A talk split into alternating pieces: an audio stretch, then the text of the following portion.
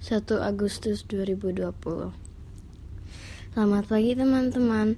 Yuk kita menyiapkan Alkitab kita dari Kejadian 22 ayat 1 sampai 19. Mari kita berdoa. Tuhan Yesus, pimpin kami dalam pembacaan Alkitab pada pagi ini. Kiranya suara Tuhan sungguh dapat kami dengar dengan jelas dan menuntun hidup kami. Amin. Roma 7 ayat 15 sampai 25. Sebab apa yang aku perbuat aku tidak tahu, karena bukan apa yang aku kehendaki yang aku perbuat, tetapi apa yang aku benci itulah yang aku perbuat. Jadi, jika aku perbuat apa yang tidak aku kehendaki, aku menyetujui bahwa hukum Taurat itu baik. Kalau demikian, bukan aku lagi yang memperbuatnya, tetapi dosa yang ada di dalam aku. Sebab aku tahu bahwa di dalam aku, yaitu di dalam aku sebagai manusia, tidak ada sesuatu yang baik.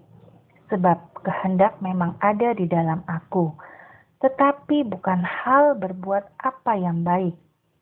Sebab bukan apa yang aku kehendaki, yaitu yang baik yang aku perbuat, melainkan apa yang tidak aku kehendaki, yaitu yang jahat yang aku perbuat. Jadi, jika aku berbuat apa yang tidak aku kehendaki, maka bukan lagi aku yang memperbuatnya, tetapi dosa yang diam di dalam aku. Demikianlah aku dapati hukum ini, jika aku menghendaki berbuat apa yang baik, yang jahat itu ada padaku. Sebab di dalam batinku aku suka akan hukum Allah, tetapi di dalam anggota-anggota tubuhku aku melihat hukum lain yang berjuang melawan hukum akal budiku dan membuat aku menjadi tawanan hukum dosa yang ada di dalam anggota-anggota tubuhku. Aku manusia celaka siapakah yang akan melepaskan aku dari tubuh maut ini? Syukur kepada Allah oleh Yesus Kristus Tuhan kita. Demikianlah pembacaan firman Tuhan. Jadilah ya Tuhan. Ma, aku gak mau pindah rumah dan pindah sekolah. Rajuk bintang. Aku tidak suka pindah-pindahan kota seperti selama ini. Aku ingin tetap bersama sahabat-sahabatku di sini.